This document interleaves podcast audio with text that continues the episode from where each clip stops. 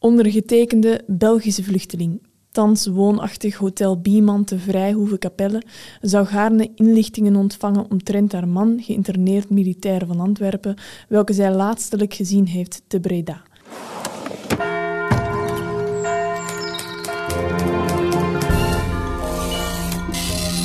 Je luistert naar het geheugen van Brabant.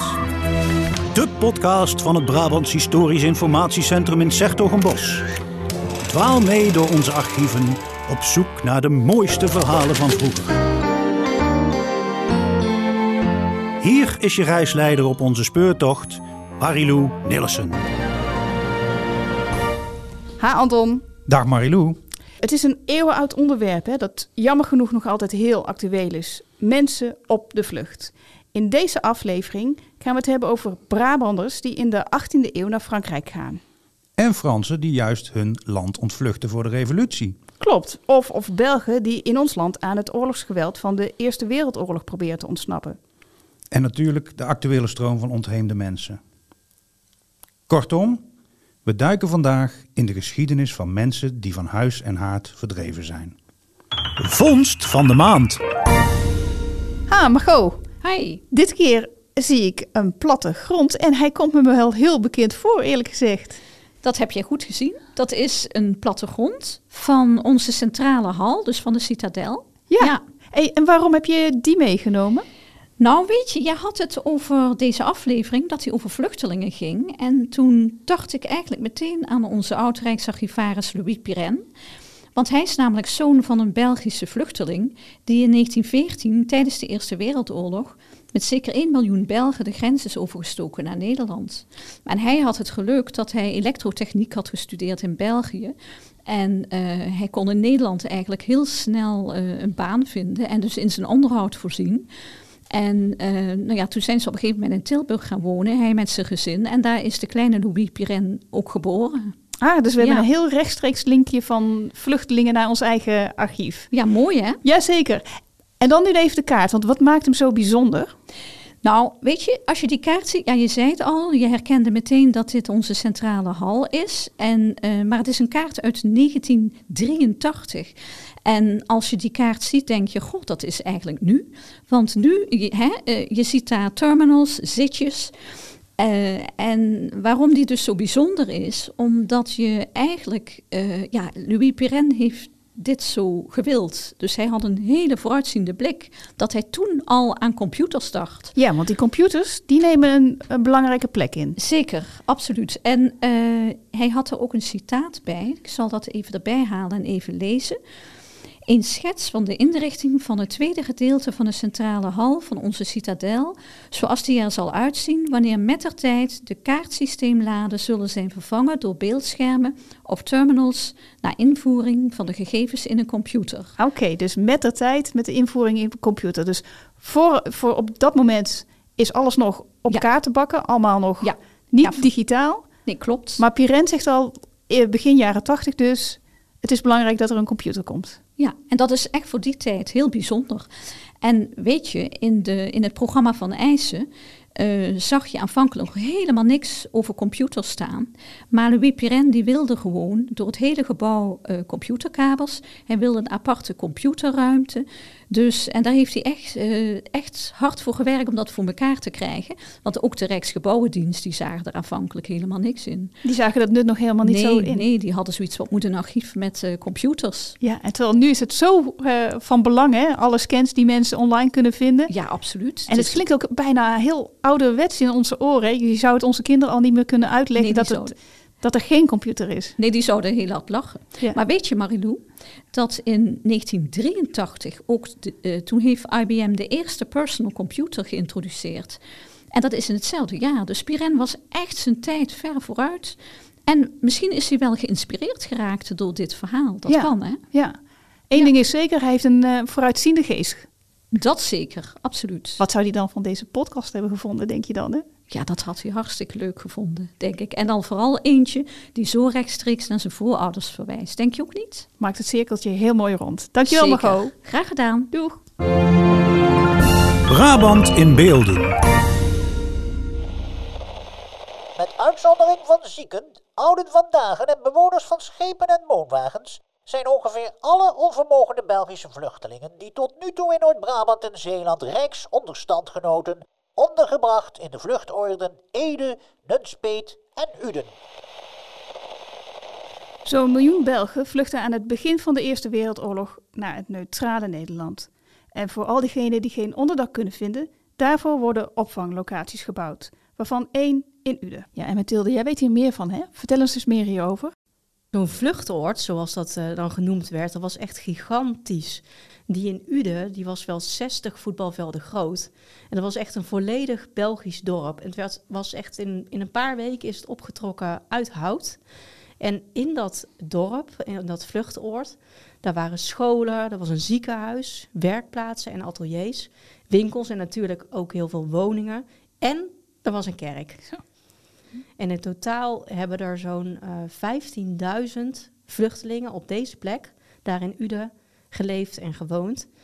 En je moet je voorstellen, de Udense bevolking, die bestond toen uit ongeveer 6000 mensen. Jeetje, dus ja. dat is gewoon meer dan de helft ja, ze woonden er niet allemaal op hetzelfde moment. Dus het is in die tijd dat het vluchtoord is geweest, hebben er zoveel mensen gewoond. En van dit vluchtoord, daarvan hebben we een film, hè? Ja, daar hebben we een film van. En die film die is dus meer dan een eeuw oud.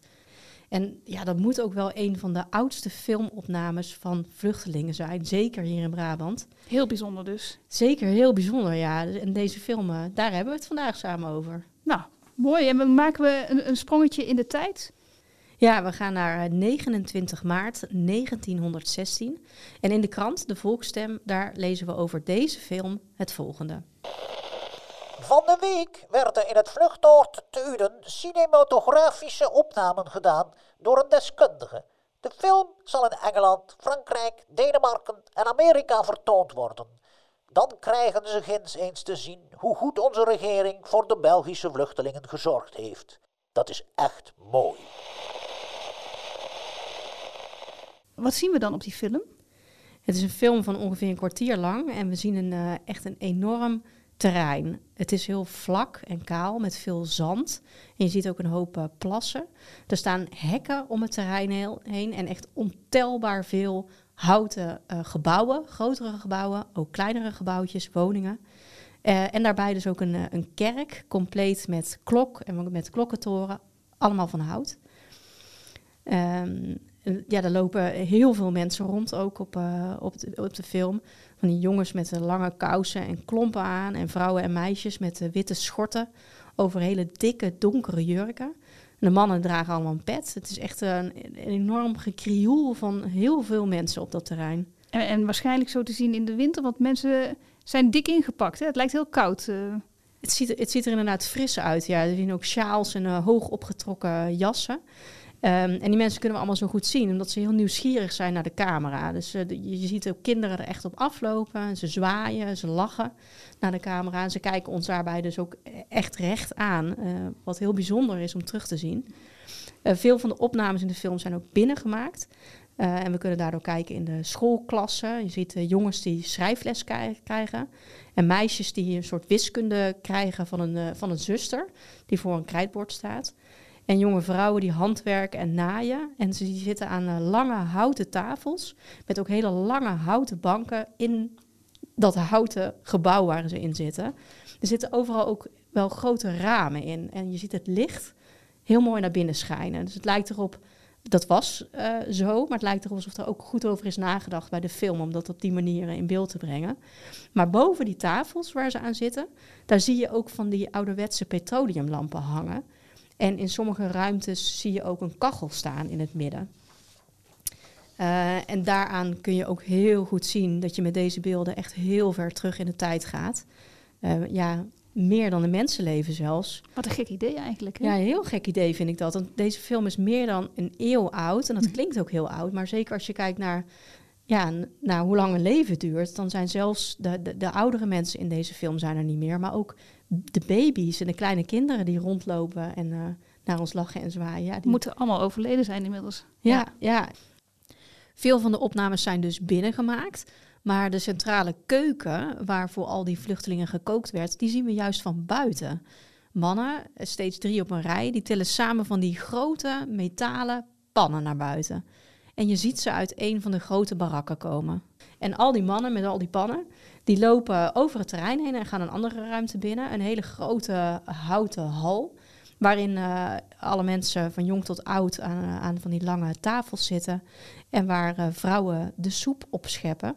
Het is dampend hete soep, of het is heel koud, of een combinatie daarvan. Want je Ja. ziet heel erg die stoom uit de pannen, pannen komen. Dat vluchtoord te Uden kregen we nu op het doek te zien, in levende beelden, zich voordoende als een reusachtige stad van houten tenten en woningen. Inderdaad, zoiets als een communistische samenleving. Tal van tafereeltjes uit de dagelijkse bedrijvigheid van de straten en pleinen, uit de werkplaatsen en scholen enzovoort kregen we te zien. Wel aardig dat deze films nu naar Amerika gaan, om daar een idee te geven van welk een grootsen opzet feitelijk zo'n vluchtoord is. En in Uden is nog maar weinig wat herinnert aan al die duizenden vluchtelingen. Die Belgen voornamelijk, die hier dus eh, hebben gewoond en hier werden opgevangen. Je hebt nog wel eh, het eh, bedrijventerrein Vluchtdoort, hè? Dat, Oh, ja, ja, dat bord zie je ja, inderdaad dus dat staan. herinnert er zich nog een beetje aan. Ja, dat herinnert eraan inderdaad. En er is ook wel een, een, een, klein monumentje op die plek. Maar er is eigenlijk nog maar heel weinig van over dat er aan herinnert. Dus het is heel mooi dat deze, dat deze film toen gemaakt is. Dat die bewaard is gebleven en nu terug te zien is. En dat wij er eh, ja, die eeuwen later hierover kunnen praten in een podcast. Met dank trouwens aan een uh, AI Filmmuseum die de film eh, beschikbaar heeft gesteld. En natuurlijk is die ook weer te zien op big.nl slash podcast. En dan kiezen voor Brabant in beelden, dan vind je alle beelden die we hier bespreken. Daar kun je alles terugzien. Mooi zo, dankjewel Mathilde. Dank je Marilou. Stem uit het verleden. Ondergetekende Belgische vluchteling, thans woonachtig Hotel Bieman te Vrijhoeve Capelle, zou gaarne inlichtingen ontvangen omtrent haar man, geïnterneerd militair van Antwerpen, welke zij laatstelijk gezien heeft te Breda, en is genaamd Frans Devorzé. Indien haar man kennis ervan droeg dat zij in veilige haven is, zou dit haar ten zeerste verheugen. Met verschuldigde gevoelens, Mathilda Vermeeren, gehuwd met Frans Devorzé. Hoogwelgeboren, wel edelgestrenge heer. Door deze neem ik de vrijheid mij tot uw welgeboren, wel edelgestrenge te wenden. Ik zal maar met de deur in huis vallen, daar lange brieven schrijven, met veel omhaal en voor den ontvanger en voor den afzender nodeloos tijdverlies geeft. Ter zake dus. Ons land is overstroomd van Belgen. De man zit hier, de vrouw zit daar, de moeder elders en zo gaat het door in verschillende variatieën, zodat grote gezinnen verspreid zijn over diverse plaatsen en met het treurigste gevolg dat ze niets, totaal niets van elkaar weten. De couranten doen hun best enkele namen op te geven van elkaar zoekende, doch de meeste wordt niets opgegeven omdat zij zelf den weg niet weten of omdat zij zijn gekomen bij mensen die niet weten hoe te handelen.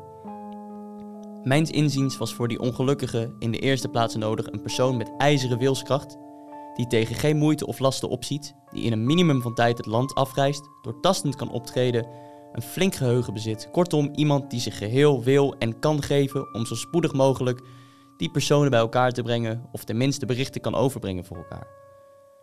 Daar het nu een tijd is van handelen, stel ik mij geheel beschikbaar voor die ongelukkigen. Zonder zelfverheffing durf ik van mijzelf getuigen dat ik zeer veel voor die mensen zal kunnen doen, verschillende talen en dialecten versta en veel talent bezit om praktisch en doortastend op te treden. Indien uw welgeboren, wel edelgestrenge meent mij te kunnen gebruiken, ben ik in alle hamen pas. Kunt u geheel op mij rekenen en verzoek ik uw hoogwelgeboren, wel edelgestrenge mij ter bespoediging telegrafisch op te roepen en ik kom. De onderdanige dienaar Belleman. Deze brief komt uit ons archief over Vlucht Uden en is geschreven in het najaar van 1914. Voorop zit een klein blauw kaartje waarop Mathilde Vermeeren schrijft op zoek te zijn naar haar man. En aan dat kaartje zit dan weer die brief van deze meneer Belleman uit Grotebroek, die aanbiedt vluchtelingen weer bij elkaar te brengen. Jikke Schepers gaf Mathilde haar stem en Floris Molenaar las de brief voor. En beide zijn ze student aan de Koningstheateracademie in Den Bosch. Op het podium. Joost Roosendaal, je bent historicus verbonden aan de Radboud Universiteit in Nijmegen en publicist. En, en een van de onderwerpen waarop je je richt is eh, oorlog en revolutie in de 18e eeuw. En je bent natuurlijk bekend van het verhaal van Nederland. Die docudramaserie over de geschiedenis van Nederland. Heb je daar veel reacties op gehad? Ja, ja, ja. Nee, het was ook heel leuk om aan mee te werken.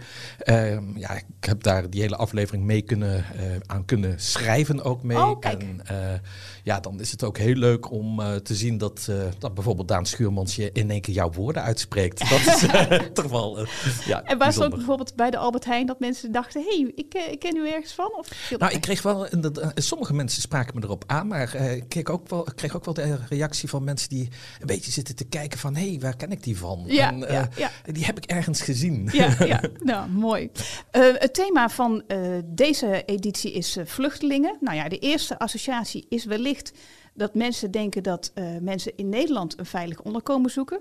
Maar ehm, jij laat ons dadelijk kennis maken met de Eindhovenaar Jan van Hoof. En die gaat juist Nederland ontvluchten. Naar welke tijd moeten we dan terug? Dan moeten we naar het eind van de 18e eeuw.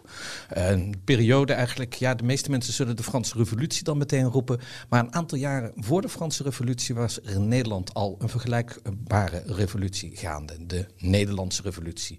Ehm, de patriotten die wilden Nederland eh, democratiseren. Ze wilden meer inspraak in het bestuur van de burgers. Ze wilden zorgen dat de corruptie aangepakt werd en eh, dat het niet meer een klein kliekje was wat de macht had, maar dat eh, ja, eh, alle burgers, mannen, eh, dat die voortaan inspraak zouden krijgen op het bestuur en ook zouden kunnen zeggen van wat er met hun belastinggeld zou gebeuren. Want dat was een beetje wat er aan de hand was. Belastinggeld werd geïnd, maar je had geen controle over wat er met jouw belastinggeld gebeurde. En Jan van Hoof, wie was hij? Jan van Hoof was eh, een eh, Eindhovenaar. Hij was eh, katholiek. Kwam uit een zeer welvarende familie. Zijn vader was lakenkoopman. Zijn moeder was de dochter van een, een Belgische arts. Die heer van Arenberg was. En die in de ehm, adelstand was verheven. Dus was, had eigenlijk een adellijke moeder. En eh, ja, hij groeide op in, eh, in, in Eindhoven. Maar de scholen in Eindhoven, dat was net zoals in heel Brabant, waren die in handen van de protestanten. Er mocht alleen maar protestants onderwijs gegeven worden eh, in Brabant, terwijl dat de bevolking bijna allemaal katholiek waren. Ja, ehm, als je uit de betere kring kwam, dan ging je naar eh, net eventjes over de grens in het land van Ravenstein, het land van Kuik. Daar waren allemaal scholen en daar kon hij ook naar school. Daar werd hij naar een, eh, een, ja, een soort kostschool gestuurd. En daar eh, volgde hij zijn opleiding. Verder ging hij nog even naar Frankrijk toe om daar de Franse taal te leren. En ook een beetje handelsgeest te krijgen. En ja, met die bagage kwam hij in 1780 terug in, in Eindhoven. En ja, hij was dus in één keer iemand die wat van de wereld gezien had, eh, die de Franse taal eh, beheerste en die uit een goede, gegoede familie kwam. Ehm, ja, de heer van Eindhoven, dat was de prins van Oranje, de stadhouder, een van de machtigste bestuurders in de republiek. En dat was juist net ook degene die eigenlijk een beetje beschermheer was van dat hele corrupte systeem van eh, regenten die elkaar baantjes toedeelden, van, ehm, eh, van ja, eh, waar eigenlijk onder de tafel geld betaald werd om bijvoorbeeld burgerrecht te krijgen, ja, corruptie. Nou, daar was die Willem van Oranje, stadhouder Willem V, was daar patroon van. Hij was een soort beschermheer daarvan.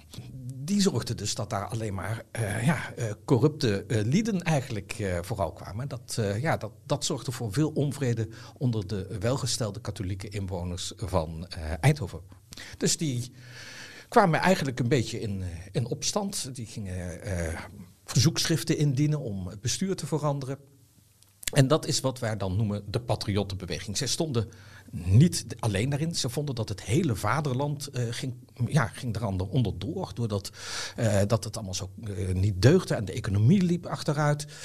Daar moet verandering in komen. Ehm, Jan van Hoofd deed dat in Eindhoven. Maar hij had inmiddels al voorbeelden in de rest van Nederland. Want in de rest van Nederland was het al veel eerder dan in Brabant gaande. Daar gingen ze over discussiëren in genootschappen. Nou, in Eindhoven kwam ook zo'n genootschap, Concordia. Dat was een sociëteit waar de eh, betere burgers in Eindhoven met elkaar in eh, gesprek eh, eh, gingen. En ook gingen denken over van, nou, hoe kunnen we nou het land veranderen? Hoe kunnen we nou zorgen dat het allemaal beter wordt in Nederland? Dat gebeurde dus in heel Nederland.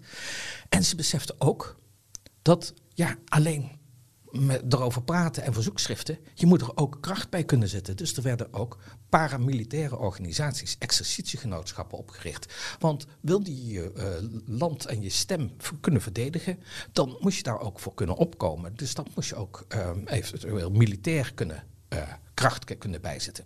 En zij gingen op een bepaald moment bepalen dat in Holland eh, allerlei stadsbesturen veranderd moesten worden. Dat daar door de burgers gekozen bestuurders moesten komen.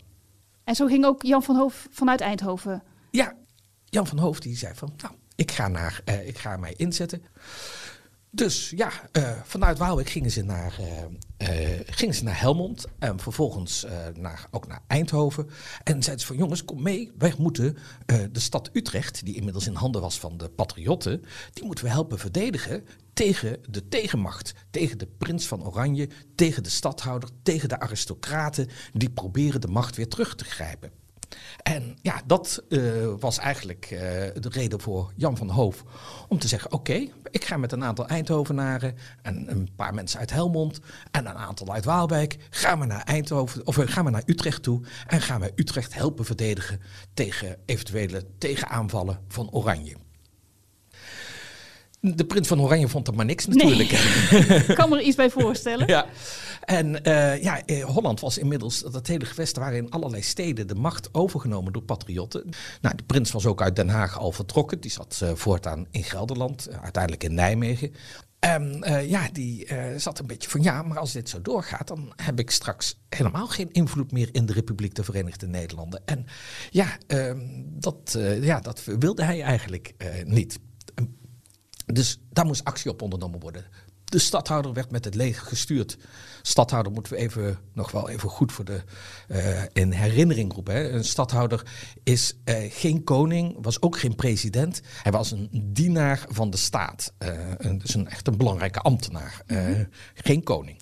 Hij kreeg dus opdracht ook van de soeverein, de Staten van Gelderland, om op te treden tegen twee stadjes. Dat betekende dat het Nederlandse leger tegen Nederlandse burgers ging vechten. Ja, Holland was dus echt helemaal in de zomer van 1787 in handen van de patriotten, van die hervormingsgezinde democratische eh, burgers. Die wilden dat Nederland, dat daar een volksregering bij representatie, zoals ze het noemden. Ja, eh, wij zouden het gewoon vertalen dat er een democratie zou komen. Ja. Eh, en ja, dat. eh, ja, dat was toch voor eh, die aristocraten, maar ook voor de prins van Oranje was dat een gruwel. Wat te doen? Nou, de prins die zei van ja, ik kan hier niks tegen doen, want legitiem, het gaat allemaal op een legitieme manier zoals de veranderingen nu zijn. Maar prinses Wilhelmina van Pruisen, de vrouw van de stadhouder, die was eh, zus van de Pruisische koning. Misschien was Pruisen wel bereid om eventueel iets te doen. Hm. Nou, in eerste instantie niet, maar... Wilhelmina dacht van, nou, we gaan eh, een, eh, ik ga proberen om eh, ja, de plattelandsbevolking in Holland op te jutten. Om te zorgen dat die in opstand komen. Dat er een orangistische tegenactie komt. Ze was er helemaal van overtuigd dat, daar, dat de meerderheid van de inwoners van Holland... dat die eigenlijk voor oranje waren. Zij gaat richting Den Haag, wordt aangehouden bij het plaatsje Goejan Sluis. En eh, wat, eh, te- eh, ze krijgt te horen van, je mag niet naar Den Haag toe reizen.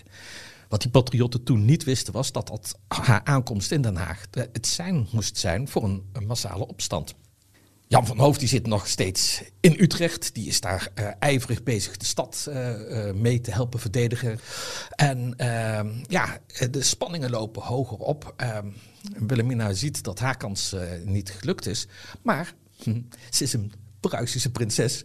En zegt van, ik ben beledigd. En eh, nou, eh, terug naar ehm, eh, in, in, in Nijmegen. Een manlief, eh stadhouder, schrijf even brieven aan de familie. De koning van Denemarken, de koning van Zweden, de koning van Engeland. waren allemaal familieleden van hem. En zijn zwager, de koning van Pruisen.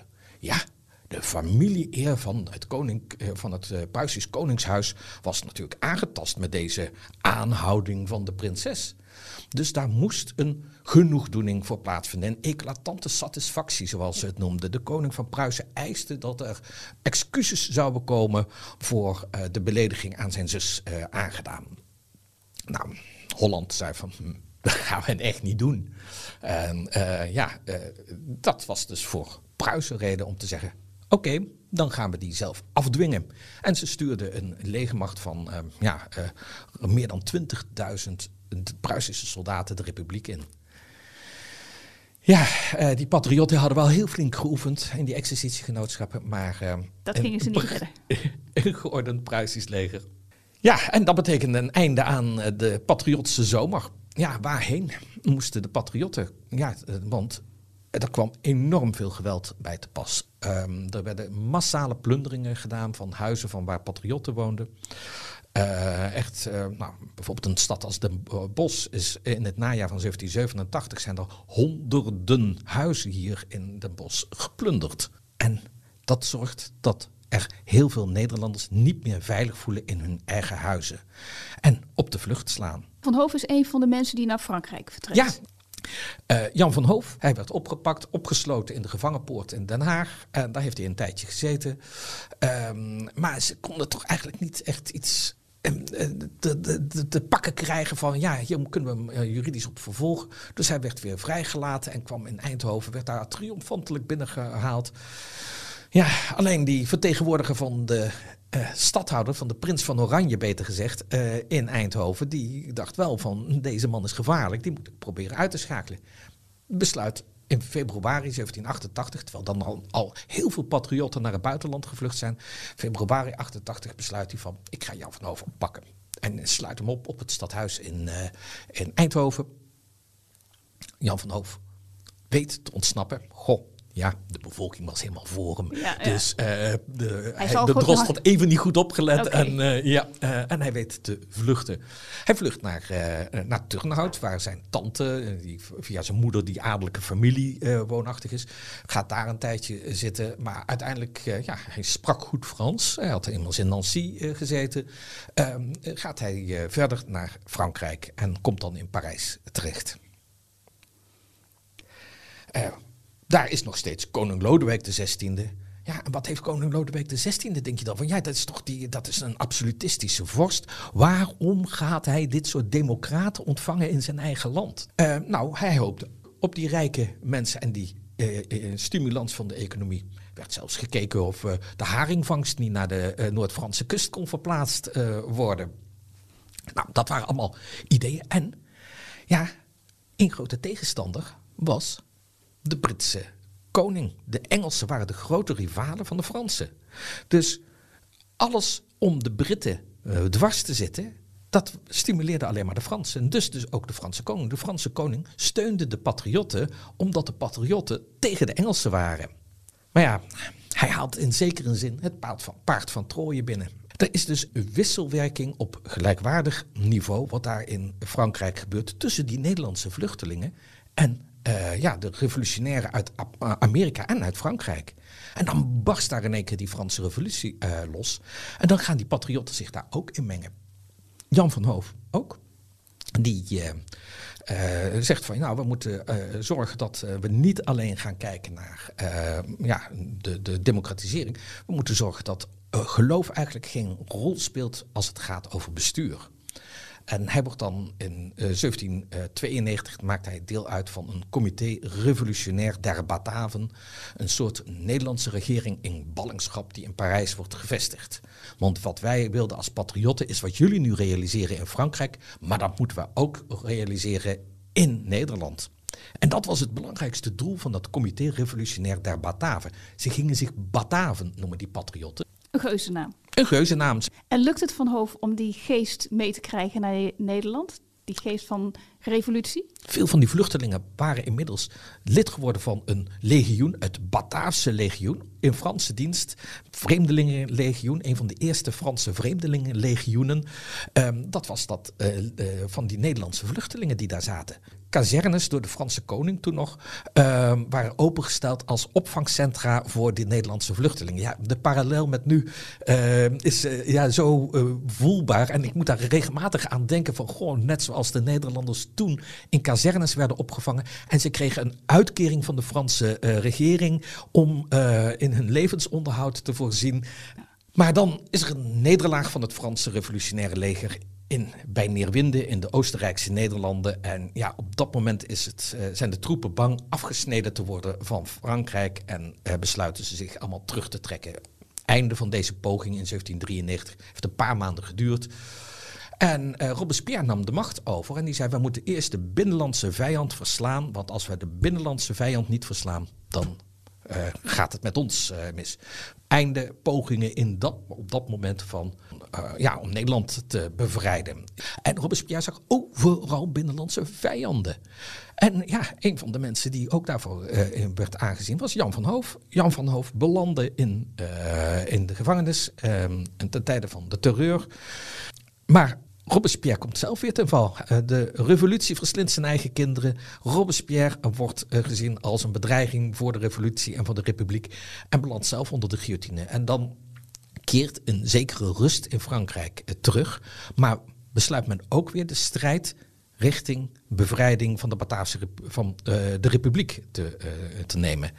En eh, ja, in, in het najaar van in oktober 1794 eh, komt, komt dat leger in de buurt van Den Bosch, wordt Den Bosch ingenomen uiteindelijk. De vluchtelingen uit Noord-Frankrijk keren allemaal weer terug naar Nederland. En uiteindelijk Jan van Hoof ook, als hij vrijgelijk komt uit de gevangenis. En dan moet er gebouwd worden aan dat nieuwe Nederland, de Bataafse Republiek. Jan van Hoof komt in de nationale vergadering. Het parlement, democratisch gekozen parlement eh, wat we hebben, werkt mee aan de totstandkoming van een nieuwe grondwet. Wordt een van de bestuurders, eh, wat meer gematigde bestuurders eh, van, van Nederland van in het uitvoerend bewind. En zou later zelfs nog minister van Justitie onder koning Lodewijk Napoleon worden. Dus dat kan ook allemaal gebeuren als je de status van vluchteling hebt. Ja, eh, we zien veel vluchtelingen die nadat ze jarenlang weg zijn geweest, eh, terugkeren en dan de hoogste posities juist net eh, krijgen. Ik vind het een heel indrukwekkend verhaal. En ook heel frappant alle parallellen met het heden in feite. Ja. Ja, ik, eh, eh, wat dat betreft, je ziet eh, de. de nou ja, het is misschien ook wel een beetje een verhaal van hoop voor, de, voor mensen, bijvoorbeeld uit Wit-Rusland, Belarus, die gevlucht zijn. Ja, er kan, het moment kan komen en zal komen dat, dat je terug kunt en dat je dan toch de leiding kunt krijgen. Een prachtig hoopvol eh, besluit. Hartelijk dank voor dit verhaal. En Joost, we merken al, eh, je bent een heel bevlogen verteller. En eh, we gaan dadelijk in de bonus nog even verder, want dan vertel jij alles over Johannes Conradus de Kok.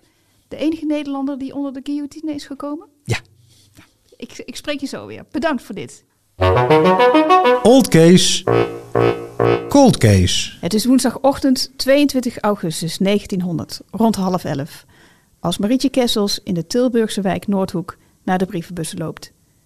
Twee dagen later wordt het elfjarig meisje dood aangetroffen, in de kerk vlakbij. Er volgt een lang strafproces, er zijn verschillende verdachten, maar een dader is nooit veroordeeld. Samen met mijn collega Christian open ik de talloze dozen die over deze zaak gaan en bekijken we wat de archieven ons vertellen. De feiten vormen onze leidraad. Vorige keer maakten we kennis met politiecommissaris Hermanus Karels en we probeerden antwoord te geven op de vraag of de politie van Tilburg wel toegerust was op een dergelijke moordzaak.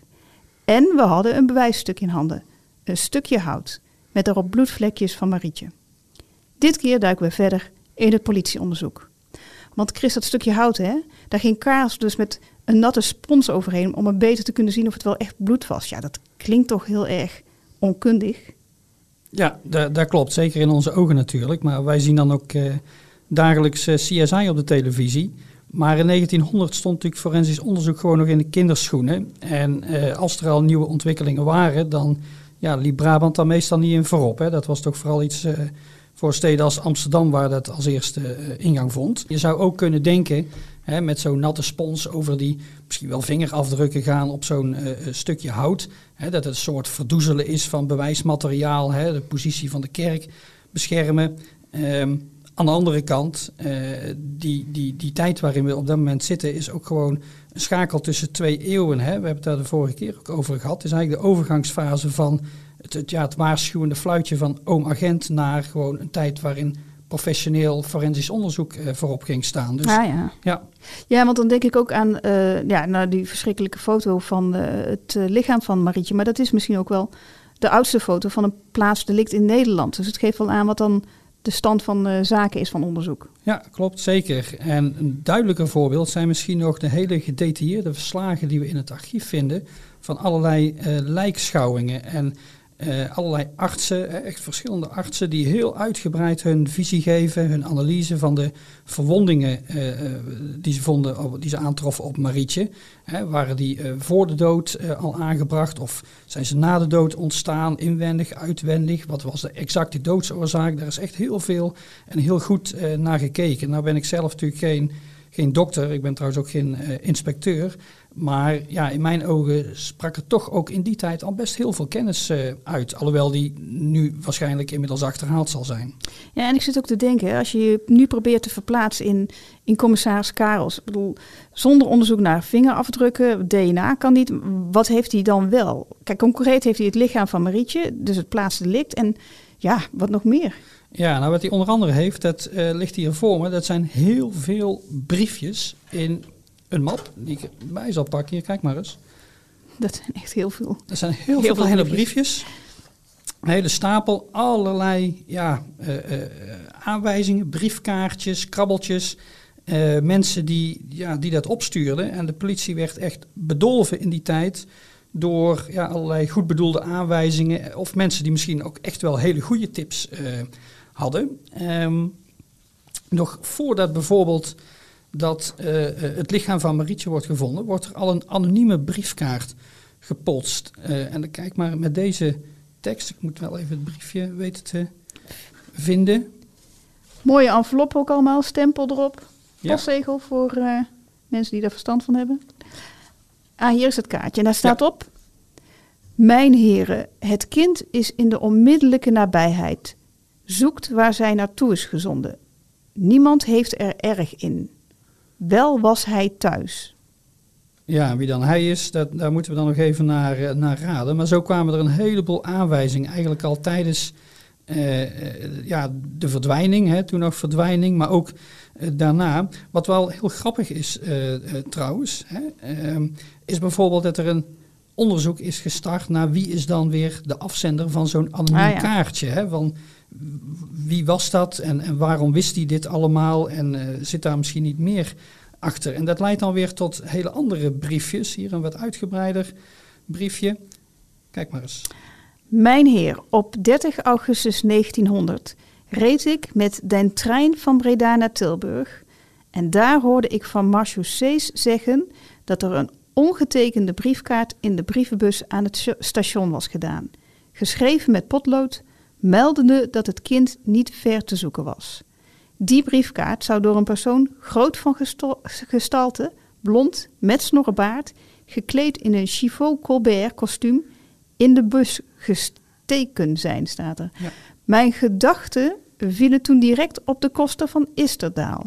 Redenen dat dat nogal groot persoon en dat ik hem, als ik mij niet vergis, in 1899 in een blauw chiffon Colbert kostuum gezien heb. Hmm. Ja, je ziet mensen denken heel goed, eh, denken Ja. heel goed mee. En ja, dat is er nog maar één of eigenlijk eh, twee uit die hele grote stapel. En ja, heel vaak gekriebeld op, op, op briefkaartjes. Eh, nou ja, ana- analfabetisme was natuurlijk in die tijd ook nog enigszins wijd verbreid. Niet iedereen kon het even goed verwoorden allemaal. Ehm, soms ook hele onleesbare handschriften. Hier heb ik er bijvoorbeeld eentje. Best wel een, nou ja, kinderlijk handschrift zou je Ja. bijna zeggen. Maar kijk maar eens of je eruit kunt komen. Eh, François.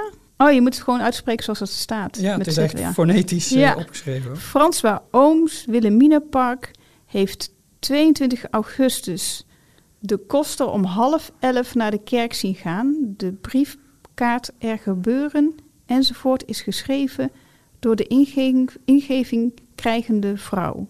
Ja. Hmm, ik word hier niet heel veel wijzer van. Nee, nee, en de politie misschien ook niet in alle eh, gevallen. Want ja, net als hoe dat het tegenwoordig gaat, eh, waren er ook hier dus blijkbaar vrouwen die ingevingen kregen over wat er gebeurd eh, zou moeten zijn. En een heleboel ja, getuigen en, en, en, en briefjes dan ook spreken elkaar ook weer tegen. Hè. Zoveel getuigen, zoveel aanwijzingen. En niet allemaal even bruikbaar, maar zoek het maar eens uit. Hè. En daar stond dan Ja. Karels met zijn twee inspecteurs eh, eh, aan. Ehm, zo zien we ook geregeld een zekere juffrouw Bijnen opduiken.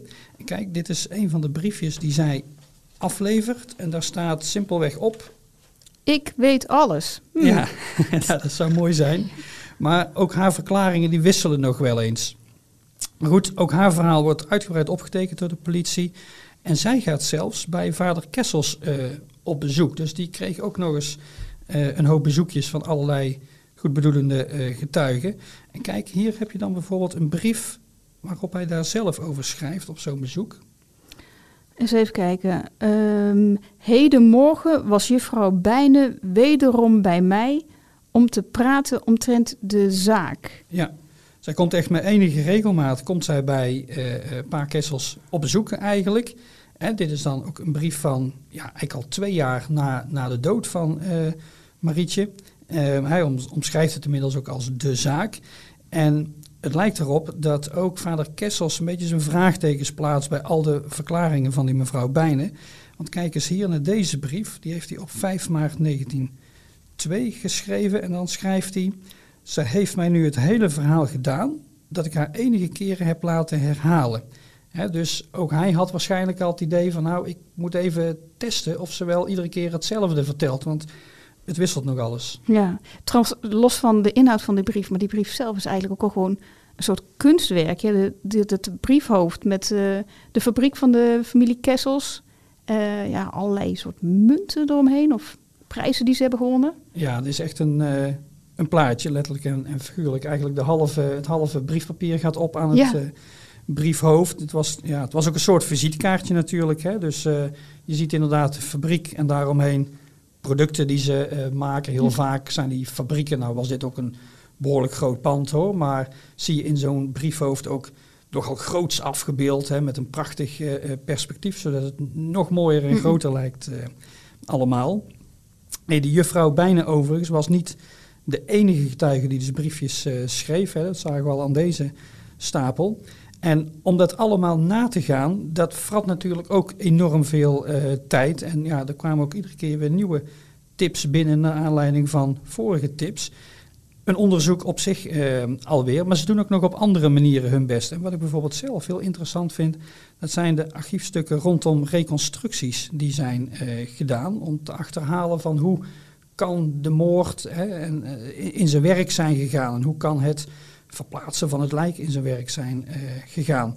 En zo gaat die Karel samen met zijn inspecteurs Soentjes en Meijvaart zogenoemde lichtproeven afnemen. Er zijn dus verschillende mensen, waaronder een echtpaar Paans eh, genaamd, die hebben licht in de kerk zien branden. We hebben het daar eerder wel eens over gehad. Op die woensdagavond. Oh, dat is, dat is dus de dag waarop Marietje verdwijnt, hè? Ja, klopt. Precies op die dag om half tien s'avonds hebben ze dus in de kerk licht zien branden. En dat was eigenlijk een tijdstip waarop er, ja, normaal gesproken brandde er dan nooit geen licht eh, meer. Maar dat was nu wel te zien door de achterste zijramen van de kerk, een beetje ter hoogte van het koor. En ook dit proberen eh, eh, Karels en Soentjes en Meijvaart, hè, dus, Moors en de twee Lewissen, echt heel nauwkeurig na te bootsen. Ze zetten hun, hun zakhorloges gelijk, zodat ze weten, we hebben allemaal dezelfde tijd. En Zoontjes die gaat dan de kerk in en die steekt precies om half tien verschillende lichtbronnen aan. Een lantaarnlicht, daarna een kaarslicht en dan gewoon een gaslicht. En als laatste een veel feller gasgloeilicht. Dat laat hij allemaal vijf minuten branden. En pas bij het allerlaatste, het, het gasgloeilicht, dan roept Cornelis Spaans dat dit het licht was dat hij heeft gezien. En ook Karels die ziet hoe dat licht precies door de ramen ter hoogte van het zangkoor de ruimte eh, verlicht. Dus ook daar hebben ze best wel heel precies proberen te kijken van wat is er nou eigenlijk eh, gebeurd en hoe is dat in zijn werk gegaan. Nou ja, het, is, ja, het geeft geen antwoord op de vraag wie dat licht dan had ontbrand of waarom dat was. Maar het geeft wel aan dat dit soort aanwijzingen heel serieus werden onderzocht. Ja, klopt. En dat geldt ook voor het gegil dat is gehoord. Hier lees je bijvoorbeeld in het proces verbaal de verklaring van de 20-jarige Gerarda Schilders. En dat is de dochter van de lokale schoenmaker die ook in de buurt van de kerk eh, zit. Kijk maar eens hier. In de morgen van 22 augustus, te omstreeks 11 uren, mogelijk ook iets vroeger, hoorde ik, staande op de achterplaats van onze woning gelegen in de Noordhoek, enige korte, scherpe, akelige gillen. komende uit de richting der zich aldaar bevindende kerk. Na de hand zijn door de politie proeven genomen door kinderen op verschillende plaatsen in die kerk te laten gillen, ten einde te kunnen constateren van waar die gillen afkomstig waren. Voor zover ik die gillen toen hoorde, was het geluid bij lange na zo akelig niet als het geluid dat ik op voormelde morgen hoorde. Ja, ja, mooi hè. Dus zo hebben ze echt al die aanwijzingen wel naproberen te trekken en naproberen te bootsen, reconstrueren. Ehm, want Karels en zijn mannen hebben vanwege deze verklaring een meisje dus op verschillende plekken in de kerk echt zo hard mogelijk laten gillen. En met die getuigen, die Gerarda dus erbij, om aan te geven wanneer het dus leek op het geheel dat ze die bewuste ochtend had gehoord. er wordt geroepen vanaf de toren, vanaf het verwulfsel. Oh ja, die zolder eh, van de kerk. Klopt, helemaal bovenin bij die houten balken. En ook vanuit de catechismuskamer. Maar als er dus wordt gegild vanaf het koor in de kerk, dan veert die Gerarda overeind. Want dat geluid, dat heeft ze precies samen met haar vader gehoord.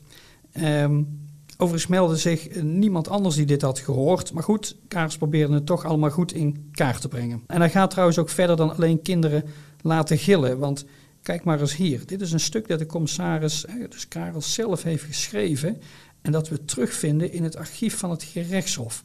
En daarin beschrijft hij hoe hij opnieuw samen met zijn inspecteurs Meijvaart en Zoontjes teruggaat naar de kerk betreft een reconstructie die hij op last van de officier van justitie uh, maakt in 1901, dus bijna een jaar na de moord. En dan staat er om te onderzoeken en te constateren hoe en op welke wijze een meisje van 11 jaar vanuit het zijportaal van die kerk langs de stenen wenteltrap naar en op de verwulfsels die kerk kan worden gebracht. Hé, hey, ze gaan toch niet... Uh gaat ja, niet echt? Nou, uh, zeker wel. Lees maar eens hier verder. Vooraf hadden wij verzocht aan Henricus Cornelis Spijkers, werkman van de heer Kessels, of hij zijn dochtertje Lucia, geboren 13 maart 1888, daartoe wilde lenen, hetgeen Spijkers goedwillig toestond. Hij was dan ook met zijn genoemde dochtertje in de kerk aanwezig. Dus, dus dat meisje is net 13 jaar oud. haar vader werkt bij Kessels, dus de kans dat zij Marietje heeft gekend is zeer aannemelijk. En dan moet zij tijdens die reconstructie de plaats innemen van Marietje, misschien wel haar vriendinnetje, terwijl ze weet dat het daar gedood is. Ja. Jee. Nou, even verder lezen hoor. Daarop hebben wij Meijvaart gelast dat kind naar boven te dragen. Meijvaart nam dat kind met zijn linkerarm om haar middel en droeg haar zo aan zijn linkerzijde met betrekkelijk weinig inspanning tot op de verwulfsels, op de loopplank naar bij de plaats waar Maria Kessels is gevonden. Ik, commissaris, liep vlak achter Meijvaart de trap op en heb gezien dat niet één enkele maal het lichaam van het kind nog de klederen tegen de muur scheurde. Jezus, dat is toch bizar? Ja, ja ongelooflijk. Hè? Dat, uh, ja. Maar goed, die, die, die man die kon natuurlijk ook niet uh, weigeren om zijn dochter daarvoor uit te lenen. Hij werkte notabene voor Kessels.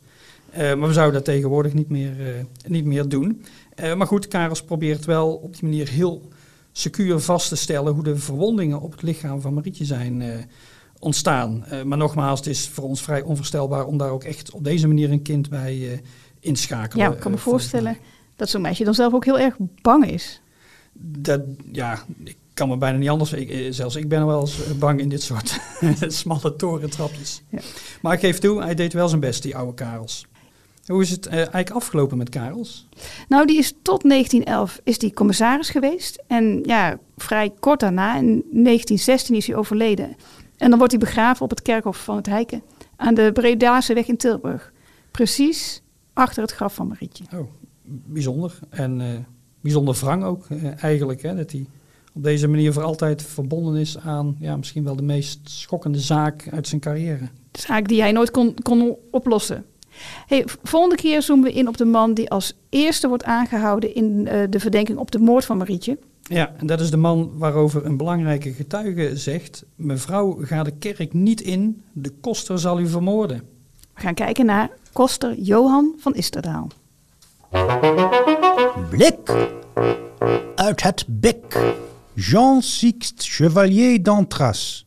Een 22-jarige edelman die zijn tienerjaren aan het Hof van Versailles had doorgebracht als page van de broer van de Franse koning, sloot zich in 1792 aan bij het leger van de gevluchte Franse prinsen in Koblenz. Dat zogenaamde Armée des Princes werd in november van dat jaar, na de overwinning van de Franse revolutionaire troepen bij Valmy, ontbonden. De ontslagen militairen moesten een veilig heenkomen zoeken. Zo ook Jean Sixte, die op 20 december 1792 in Sertogenbosch arriveerde, waar hij een verblijfsvergunning voor een half jaar verkreeg. Jacques Bernard Honoré Tiercelin, pastoor van het plaatsje Le Minil-Raoult in Normandië, weigerde de hervorming van de klerus door de Franse revolutionaire regering te accepteren en zag zich, net als zo'n 75.000 andere Franse geestelijken, genoodzaakt te vluchten. Op 18 september 1792 ging hij, 48 jaar oud, scheep in de haven van Dieppe en verliet zijn vaderland. Een kleine twee maanden later vinden we hem terug in Os, waar hij een kamer huurde bij de plaatselijke pastoor en, ook hij, een verblijfsvergunning voor een half jaar kreeg. Ridder d'Antras, pastoor Tiercelin, zomaar twee voorbeelden uit de grote groep Franse vluchtelingen waar de Republiek der Zeven Verenigde Nederlanden eind 1792 mee werd geconfronteerd. Zo kregen in amper drie maanden tijd bijna 200 van deze emigré een tijdelijke verblijfsvergunning in Sertogenbos. En ook in veel andere steden en dorpen aan de zuidgrens, bijvoorbeeld in Os, maar ook noordelijker in Utrecht, Rotterdam, Amsterdam, om maar het voorbeelden te noemen, arriveerden talrijke Franse vluchtelingen. Die behoorden tot de naar schatting 150.000 mensen die tussen 1789 en 1800 Frankrijk ontvluchtten. En daarmee was dit een van de grootste vluchtelingencrises van de vroegmoderne tijd, zowel qua aantallen als geografische rijkwijde. Vergelijking met de dag van vandaag toont helaas geen positieve ontwikkeling. Ging het in Frankrijk nog om een half procent van de bevolking in het hele laatste decennium van de 18e eeuw? Anno 2022 is in een paar maanden tijd al meer dan 10% van de bevolking van Oekraïne gevlucht. Terug naar 1792. Hoe het afliep met onze twee Franse vluchtelingen? Pastoor Tiercelin bleef niet lang in Os, maar trok verder naar het Duitse Münster, waar een broer van de Franse ex-koningin Marie-Antoinette bisschop was en waar honderden Franse geestelijken hun toevlucht hadden gezocht. Jaren later keerde hij terug naar zijn geboorteland, waarschijnlijk nadat in 1801 door een concordaat tussen Napoleon en de paus de vrede tussen de Franse staat en de Franse katholieken was hersteld. De Chevalier Antras bleef zich inzetten voor de royalistische zaak. Hij sloot zich in 1793 aan bij het Légion de Béon, het regiment van de graaf van Béon, dat door de Nederlandse Republiek in dienst was genomen. Hij raakte in 1794 zwaar gewond bij gevechten in de zuidelijke Nederlanden, maar herstelde. Later in 1794 wist hij uit het door de Franse revolutionaire troepen belegerde Sertogenbosch te ontsnappen, in tegenstelling tot een hoop van zijn kameraden van het Légion, die na de val van de stad als émigrés, die bovendien de wapens tegen hun vaderland hadden opgenomen, werden geëxecuteerd op de citadel, hier bij het Bik. Na een verblijf in Engeland keerde Dantras in 1797 terug naar Frankrijk, waar hij zich met gevaar voor eigen leven in het geheim als een ware rode pimpernel bleef inzetten voor de royalistische zaak. Zijn arrestatie, na een mislukte moordaanslag op Napoleon in december 1800, liep met een sisser af. Zijn betrokkenheid kon niet worden aangetoond, bovendien hadden invloedrijke vrienden hun best voor hem gedaan. Hij werd weer vrijgelaten. Toen zijn oude meester in 1815 als Lodewijk XVIII tot koning van Frankrijk werd gekroond, werd de inzet en trouw van Dantras met de nodige ambten beloond en kreeg hij het Croix de Saint-Louis op zijn borst gespeld. Net als Tiercelin en Dantras keerden veel andere Franse emigrés tenslotte, vaak na vele jaren en niet zelden na de nodige ontberingen, terug naar hun vaderland. Als we naar de vluchtelingenstromen van de afgelopen decennia kijken, is terugkeer zeker niet vanzelfsprekend eerder uitzondering dan regel. In Oekraïne begint zich intussen weliswaar voorzichtig een tegengestelde stroom terug het land in af te tekenen. Anderzijds wijst helaas niets op een spoedige oplossing van het conflict en lijkt het einde van de oorlog nog lichtjaren ver weg. De droom van Jean Six Tantras en pastoor Tiercelin om terug te keren naar hun geboortegrond werd uiteindelijk na jaren van omzwervingen en ontberingen bewaarheid. Ik kan alleen maar hopen dat die droom ook voor de Oekraïense ontheemden in de nabije toekomst uit zal komen. De tijd zal het leren.